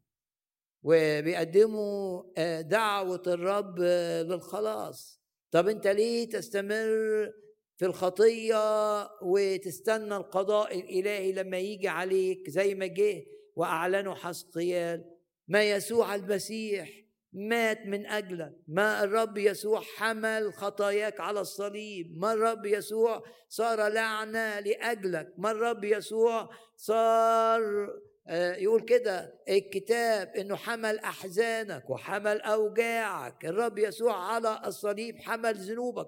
ليه تستمر؟ ما تقبل اللي عمله الرب يسوع اقبله بقلبك افتح قلبك كده وقول يا رب ادخل قلبي أنا مصدق إنك أنت تحملت العقاب. اللي تكلم عنه حسقيال واللي تكلم عنه أرميا في العهد القديم أنا مصدق إنك أنت تحملت هذا العقاب بدالي. أنا مصدق ده علشان وبيك أنجو من العقاب. الأناجيل الأربعة اسمها أناجيل. وكلمة إنجيل تعني خبر صار. مقدم لكل الناس زي ما إعلان القضاء الإلهي في سفر حسقيال معلن للجميع. شعب الرب عايش في أي حتة الرسالة واصلة له الناس وصل لهم رسالة الرب. كمان رسالة الخلاص ورسالة النعمة وإن خطاياك مغفورة وإنك لو رحلت من هذه الأرض ليك حياة أبدية. أيضا معلنة إلى الجميع أحب الله العالم. والرب يسوع مات على الصليب لأجل الجميع لأجلك ايا كانت خلفيتك ايا كان تفكيرك جاي من هنا دايرة جاي عايش في انهي بلد الرب يسوع مات من أجلك وبيقول لك في الأناجيل الأربعة تعال إلي وأنا أريحك وبيقول لك من يقبل إلي يعني تيجي للرب ما تنجو من العقاب بتاع سفر حسقيال من يقبل إلي لا أخرجه لا أخرجه خارجا. يا رب نشكرك لأني زي ما عندنا أربعة أشخاص كائنات ملائكية إن كذا التعبير بتعلن إنك أنت تتحرك للقضاء في عسقيال عندنا أربعة أشخاص متى مرقس لوقا يوحنا. بيعلنوا رسالة الخلاص المنقذة من عقابك العادل على الناس. لاحظوا معايا آه، بسرعة ان آه، كل كائن من دول كان ليه أربع أوجه مش وجه واحد. قلنا بقى رقم أربعة بيتكلم عن الرب للجميع وعقابه جاي للجميع وخلاصه مقدم للجميع. وزي ما في قضاء عادل في نعمة غنية دفع الرب ثمن تمتعنا بها بالكامل على الصليب. شوف معايا بسرعة الوشوش الأربعة في لكل كائن أربعة أوجه. والأربع أوجه دي عبارة عن واحد وجه إنسان اثنين وجه أسد ثلاثة وجه صور أربعة وجه نسر. وكل دول ليه ظهروا في الشكل ده دي رسائل. النسر بيتكلم عن عمل الرب السريع جدا لأن النسر أسرع طائر. لازم تبقى مصدق إن عمل الرب معاك سريع يأتي في الوقت الصح. لا يتأخر ابدا. ده بالنسبة لك. شوف النسر بيكلمك عن كده. وجه الأسد. يقولوا وجه الأسد الأسد يتكلم عن القوة. ان الرب يتحرك معك بقوة. يتحكم في كل الأمور. يقول لك الأسد جبار الوحوش. لا يرجع من قدام أحد يعني ينجح. دائما ينجح لأنه قوي. اعلن إيمانك وأنت بتسمع. ان الرب لأنه قوي ينجح معاك. من أنت أيها الجبل العظيم؟ في جبل قدامي أنا بالرب. الجبل ده ينهار ويتحول إلى وادي. من أنت أيها الجبل العظيم؟ أمامي أو أمام فلان ده اللي بيعرفك تتحول من جبل إلى سهل. رب أسد. وهنا عايز يقول في آه، حسقيال إن الرب يأتي بقوة لما بيحقق الغضب بتاعه. وده سفر الرؤيا. وما فيش ملوك هيقفوا يقدروا يمنعوه ما فيش أي قوة بشرية هتمنعه. نعم رمز الأسد يتحدث عن الرب الذي يأتي بقوة. وأنت تبقى مسنود بالرب يسوع اللي اتكتب عنه وذا قد غلب الأسد الذي من سبط الملوك من سبط يهوذا. أسد بيتكلم عن الرب الملك الذي يتحرك بقوة. وجه إنسان يقول وجه إنسان ده آآ آه، آآ آه، الإنسان لأنهم أربع حاجات أسد وإنسان الأربع وشوش وصور ونسر.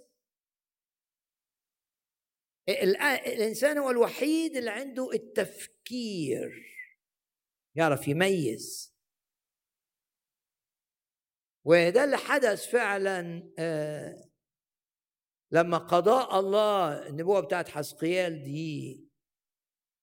وجاء بقى قضاء الله استخدم في قضاءه على مدينة أورشليم الكلدانيين. وراحوا مدينة أورشليم يدمروها بس ورا الحركة بتاعتهم المركبة دي مركبة الله. الله الذي لا يطيق الشر الذي يدين الخطية. جاء الوقت إن يحسم الأمور ويهدم الهيكل لأن في عبادة مزيفة. العبادة المزيفة الشكلية اللي هي لإرضاء الناس. يجي وقت زي ما بتقرأ في سفر الرؤيا والرب يزحزح المنارة دي خالص خليها مش موجودة. في وقت لكل حاجة. فهنا جه الوقت إن الهيكل يتدمر ومدينة أورشليم تتهدم والناس اللي فيها يتقتلوا.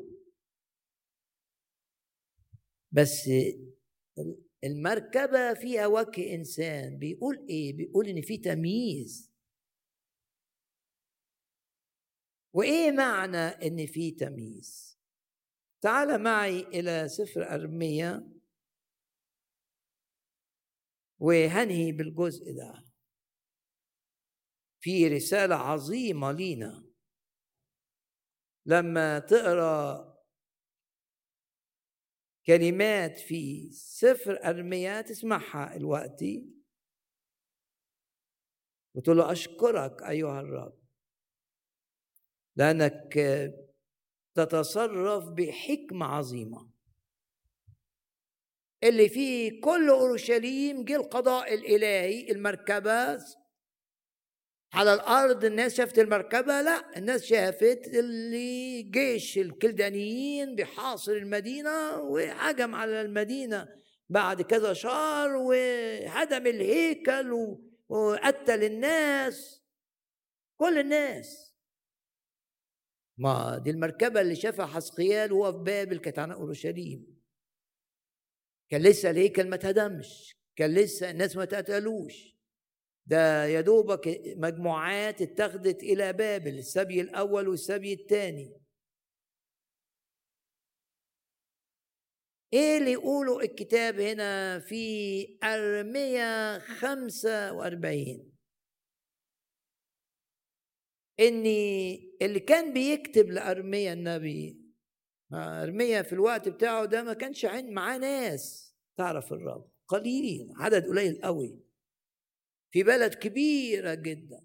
كله مزيف كل البلد مزيفة الكهنة مزيفين الأنبياء مزيفين كله كله كله كله الملوك مزيفين.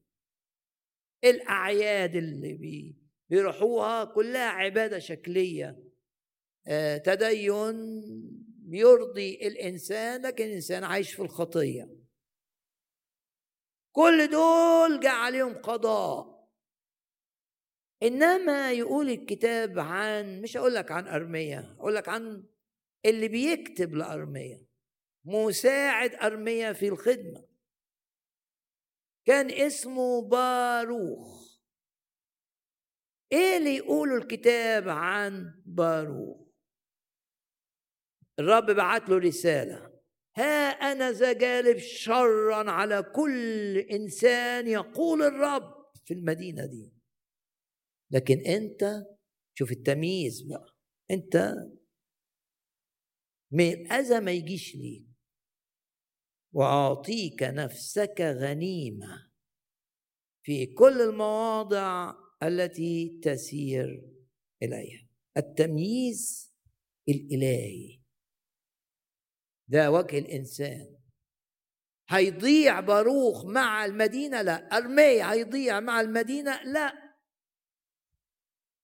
الراجل اللي أنقذ أرميا من لما رموه في البئر العميق وجاذب بحياته لأنه كان بيحب الرب فبيحب أرميا وأنقذه. هيموت. لما الكلدانيين يجمعوا على المدينة الإجابة تعرفها في سفر أرميا إن أرميا ما اتقتلش إن باروخ اللي بيكتب له ما اتقتلش يبقى الرب بيجري قضاءه بتمييز زي بالظبط القضاء اللي جه على أرض مصر.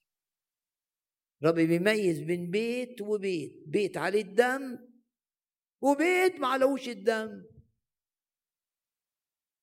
قضاء جاي عادل على كل الناس. كان في صراخ يقول لك في كل بيت. إلا البيوت اللي عليها الدم. ده الخطر جنبيهم. يقول لك إليك لا يقرب. ده خطر نتيجة قضاء إلهي. عادل. لكن يجي عليا أنا اللي محمي بالدم واللي ليا علاقة مع الرب؟ لا. هنا بقى العقل هنا التمييز اللي بنشوفه في الرؤيا يعني الرؤيا بتقول إن الرب عنده قوة الأسد أو رمزه في القوة الأسد وعنده السرعة. لما يجي الوقت خلاص سواء وقت البركة أو وقت القضاء الإلهي. لا يتأخر. ويقول لك تأتي إتيانا ولا تتأخر. ده النسر والأسد القوة. ووجه الإنسان ده التمييز التفكير إن ده مختلف إن البيت ده غير البيت ده. البيت ده أوسع البيت ده أغنى البيت ده فيه فلوس كتير فيه حيوانات كتير مش مهم. جاي عليه القضاء لأن ما علوش الدم. بيت ده عليه الدم. ده يبقى جواه موت وده يبقى جواه ناس بتاكل بتشبع. دول ناس بيصرخوا ودول ناس مستعدين للرحيل مع الرب. آه ده التمييز الإلهي. زي ما حدث في أرض مصر حدث في أورشليم لما النبوة دي أو الرؤية دي تحققت. ارفع إيدك كده واعلن إيمانك إن اللي هيحصل للناس اللي حواليك نتيجة الخطية لن يأتي إليك. اعلن إيمانك إن في تمييز. إزاي مركب هتغرق وفيها بولس؟ ده وجود بولس ده تمييز الالهي ينجي الناس اللي معاه. في تمييز إلهي. البحر هائج. آه نتائج لغلطة لخطية ليه مشوا ورا الفكر البشري ورفضوا النصيحة الإلهية اللي جاية لهم من بولس.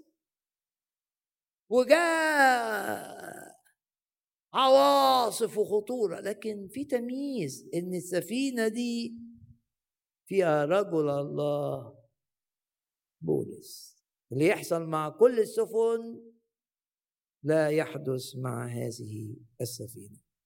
اقفل عينك كده وفكر في الرسائل اللي بعتها لك الرب. رسائل عظيمة. ده أهم وقت في الاجتماع. يا رب نشكرك ونعظمك ونباركك. قوتك لخيرنا. وسرعتك لخيرنا. وتمييزك للأمور لخيرنا. رب يسوع أسد قوتك يا رب ضد الشيطان. لخيرنا لحمايتنا لارتفاعنا. هللويا. مركبات بتاعتنا أسرع من مركبات فرعون. آه سرعتك يا رب لينا. الكتاب يقول كده ان فرعون بيتحرك بس جاله بطء. وشعب الرب بيتحرك جاله سرعة. تفكيرنا وحركتنا أسرع من حركة إبليس ضدنا. ده بقى لما تشوف النسر.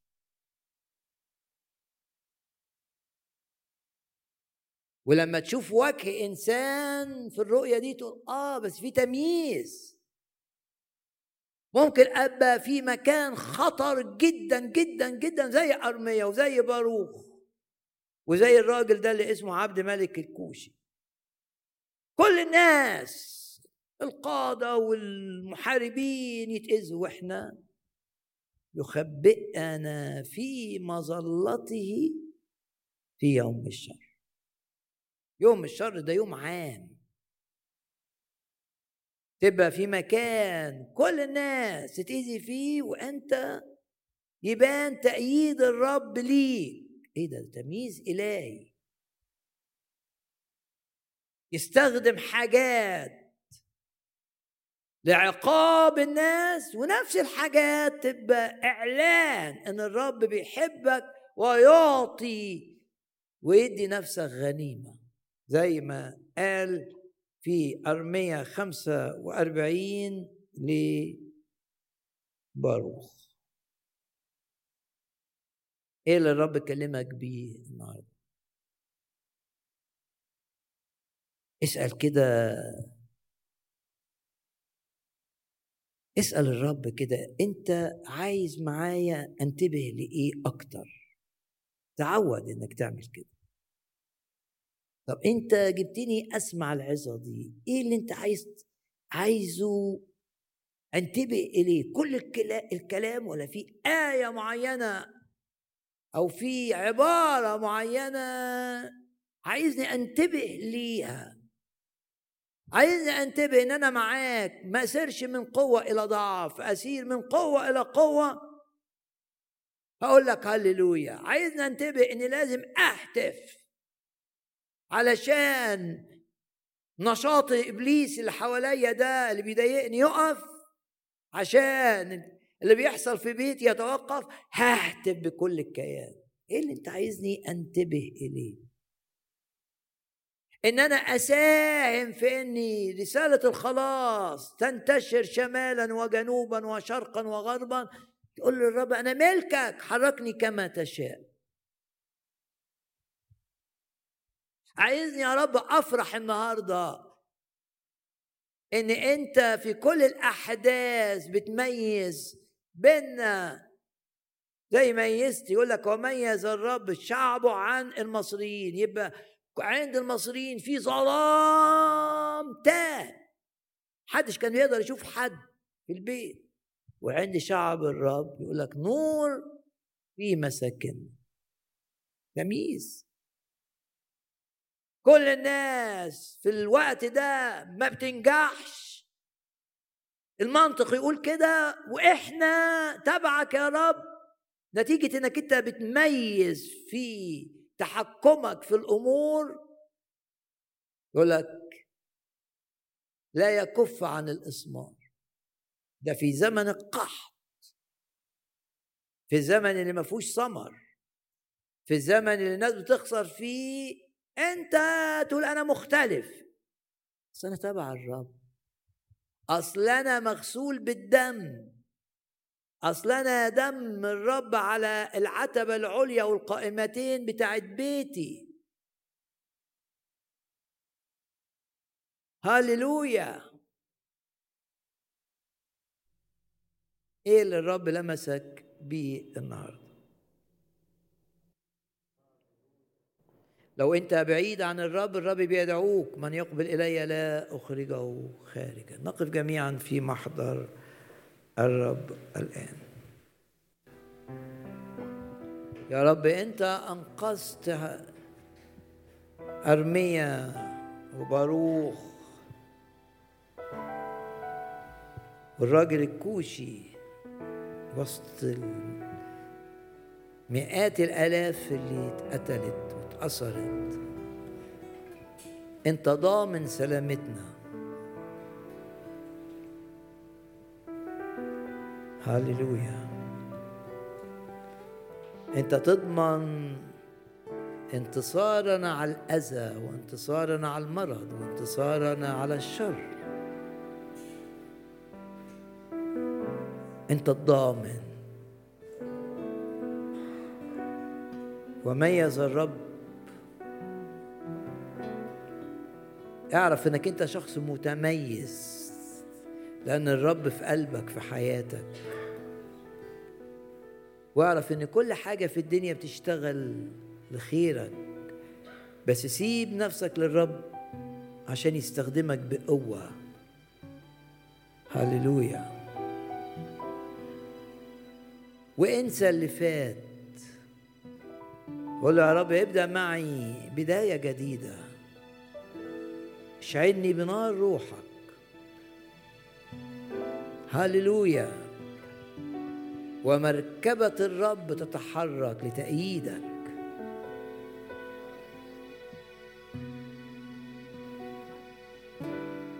ويقول لك الرب قد أيدتك عضدتك بيمين بري لا تخف لأني معك. لا تتلفت لأني إلهك. من الجافي تطلع حلاوة من قورح يطلع بني قورح افرح بعمل الرب معاك. يقول لك وأعوضك عن الزمن اللي أكله الجراد افرح بعمل الرب معاك. وقول أنا مش للغضب الإلهي أنا للنعمة الإلهية. هللويا. ومكتوب حول الله لأجلك اللعنة إلى بركة. لأنه قد أحبك. أوعى تسيب الرب. أوعى تتمادى في الخطية. أوعى تتمادى في الابتعاد عنه. لأن مع الرب في أمان. ومع الرب في تعويض. ومع الرب في من مجد إلى مجد ومع الرب نسير من قوة إلى قوة. هللويا. قول هعيش أهتف للرب. ورا الأمور كلها تعمل لخيري. هعيش أهتف لمن أحبني ومات من أجلي. وأرى إبليس دائما تحت قدمي مسحوقا. هعيش أهتف للرب. واختبر معجزات في حياتي. وفي حياة من يستخدمني الرب معه. أوعى تقبل فكرة إن زمن المعجزات انتهى. أي أمر في حياتك يحتاج إلى تدخل معجزي من الرب؟ آمن. زي ما قلنا قبل الوعظة في الترنيمة غير المستطاع. قد علمت أنك تستطيع كل شيء. يقدر ينقذك يقدر يحررك يقدر يعوضك يقدر يغير كل حاجة في حياتك. يحول اللعنة إلى بركة. ينقل جبال. يزيلها من أمامك ويفتح بيبان ثق في الرب. حياتك كلها تتغير. سلوكك يتغير. طبيعتك وصفاتك الرديئة تتغير. الضعف يتلاشى منك. تشوف نفسك في المسيح أسد وتشوف نفسك في المسيح نسر وتشوف نفسك في المسيح إنسان قادر أن يميز الأمور ويحكم بلا انخداع. هاليلويا. ارفع إيدك كده اعلن برفع إيدك إنك ليسوع المسيح. سايب نفسك للرب وسايب نفسك لعمل الرب. وتوقع المفاجآت السارة.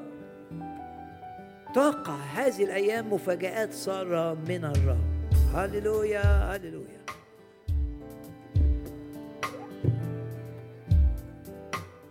أخرجنا من الظلمات وظلال الماء وقطع كل كل قيودنا قد قطعها. هللويا الرب صالح؟ هللويا. صالح. هللويا. الرب صالح إلى الأبد رحمة. هللويا بقوة جميعا. هللويا. الرب صالح. هللويا. الرب صالح. هللويا. الرب صالح إلى الأبد رحمة. أخرجنا من الظلمات وظلال الماء وقطع كل كل قيودنا. قد قطعها. هللويا. الرب صالح هللويا. صالح. هللويا. الرب صالح إلى الأبد رحمة. سبح الإله فهو الحبيب. مانح الحياة لنا في الصليب. وهو من سماء لنا يستجيب. سوف أدعو باسم سيدي. سبحوا الإله. سبحوا الإله فهو الحبيب مانح الحياة لنا في الصليب وهو من سماء لنا يستجيب سوف أدعو باسم سيدي. سيملأ كل احتياجي بحسب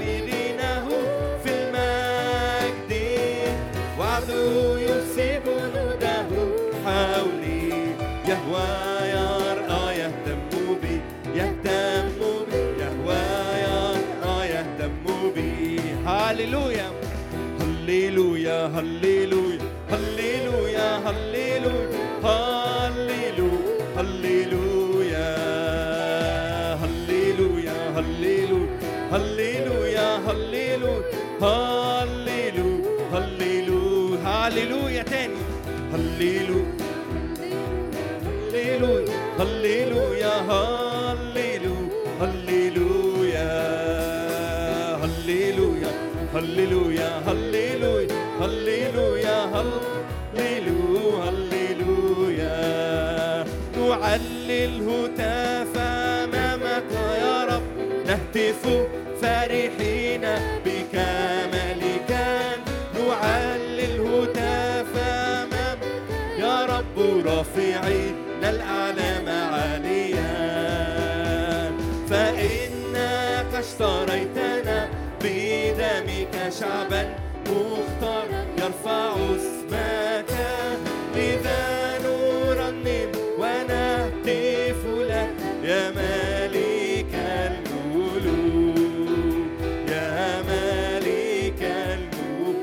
نعلي الهتاف أمام الرب نعلي الهتاف أمامك يا رب. نهتف فرحين بكمالك نعلي الهتاف أمامك يا رب. رافعين الأعلام عاليا فإنك اشتريتنا بدمك شعبا مختار يرفع اسمك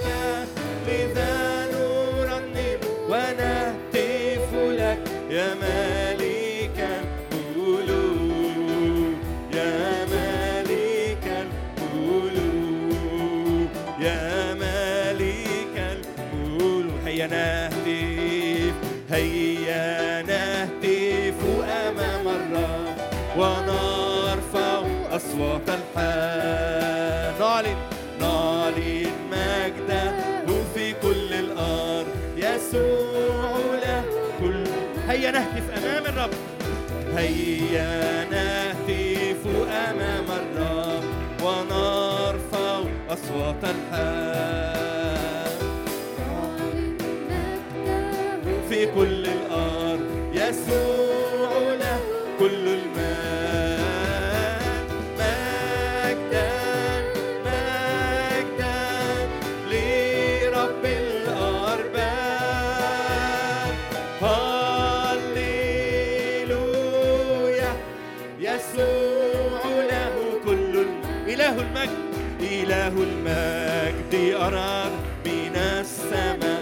وصوته بالقوات. إله المجد قد لبس الجلال لغلب القديسين لغلب القديسين صوت المجد صوت المجد. القوة والخلاص والهتاف في خيام صديق. صوت المجد صوت المجد. القوة والخلاص والهتاف في خيام صديقين إله المجد أراد من السماء وصوته بالقوات. إله المجد قد لبس الجلال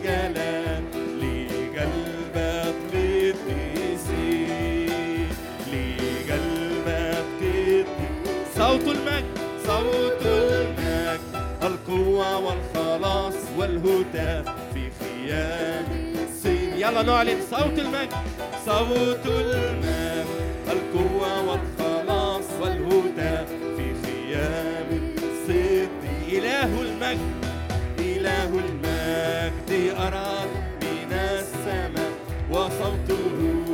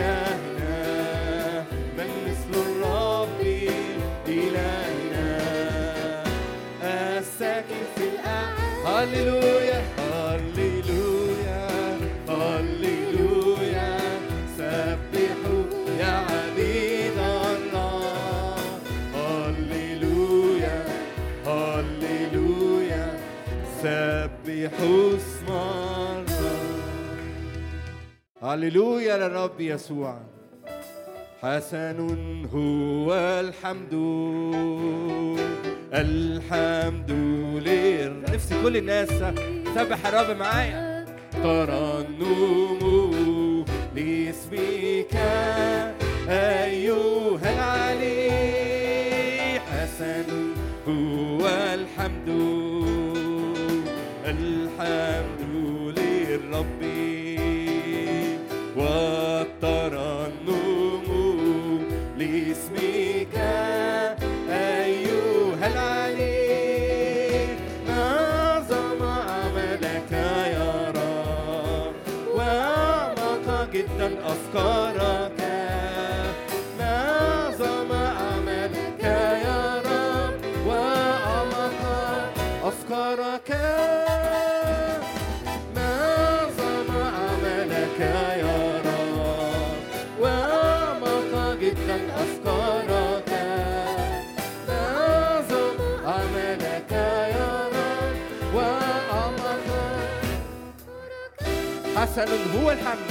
حسن هو الحمد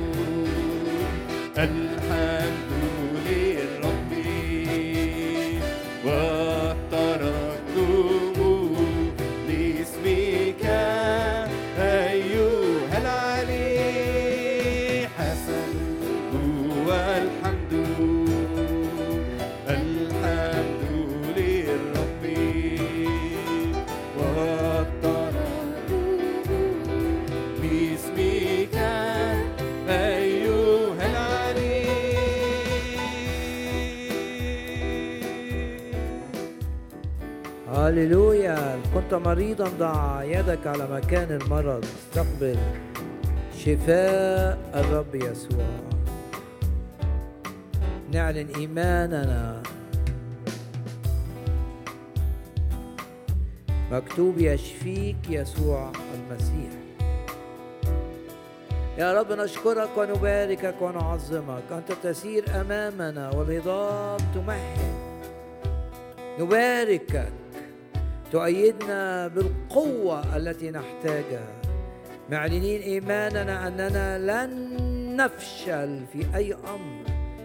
ويعظم دائما انتصارنا.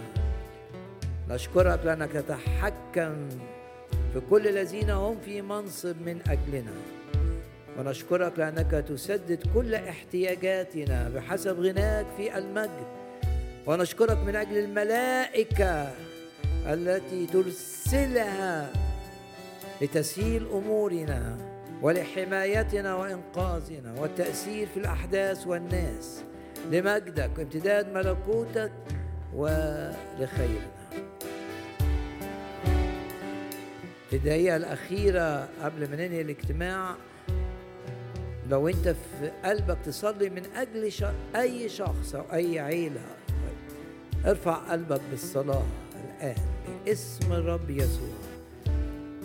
يحفظك الرب من كل شر. أشكرك وأباركك. تحرك السماء بصلاتك. اطلب وآمن أن الرب يحفظك من كل شر ويمد يده ويفتح السماء. نصلي الآن صلوات مقتدرة في فعلها. اطلبوا تجدوا باسم الرب يسوع. ولما صلوا تزعزع المكان وامتلأ الجميع بالروح القدس. الآن إلى الترنيمة الأخيرة في الاجتماع. يرسل ملائكة لنا. يرسل ملائكة لنا. يرسل الرب يرسل ملائكة لنا. يرسل الرب يرسل ملائكة لنا. ذخائر الظلم تهب لنا. كنوز مخابئ تعطيها لنا. نشبع بالخير كل عمرنا. نشهد عجائب تفاجئنا ذخائر الظلم تهب لنا. كنوز مخابئ تعطيها لنا. تشبع بالخير كل عمرنا. نشهد عجائب تفاجئنا. كل الأشياء تعمل لخيرنا. كل الأشياء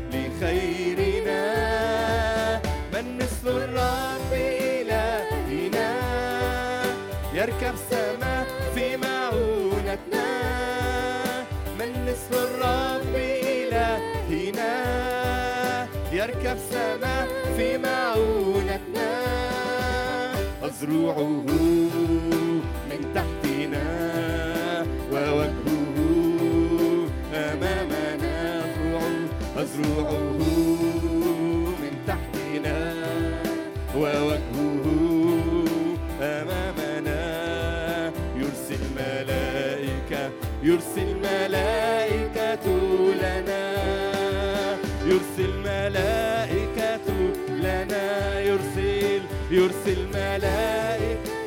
لنا يرسل يرسل ملائكة لنا.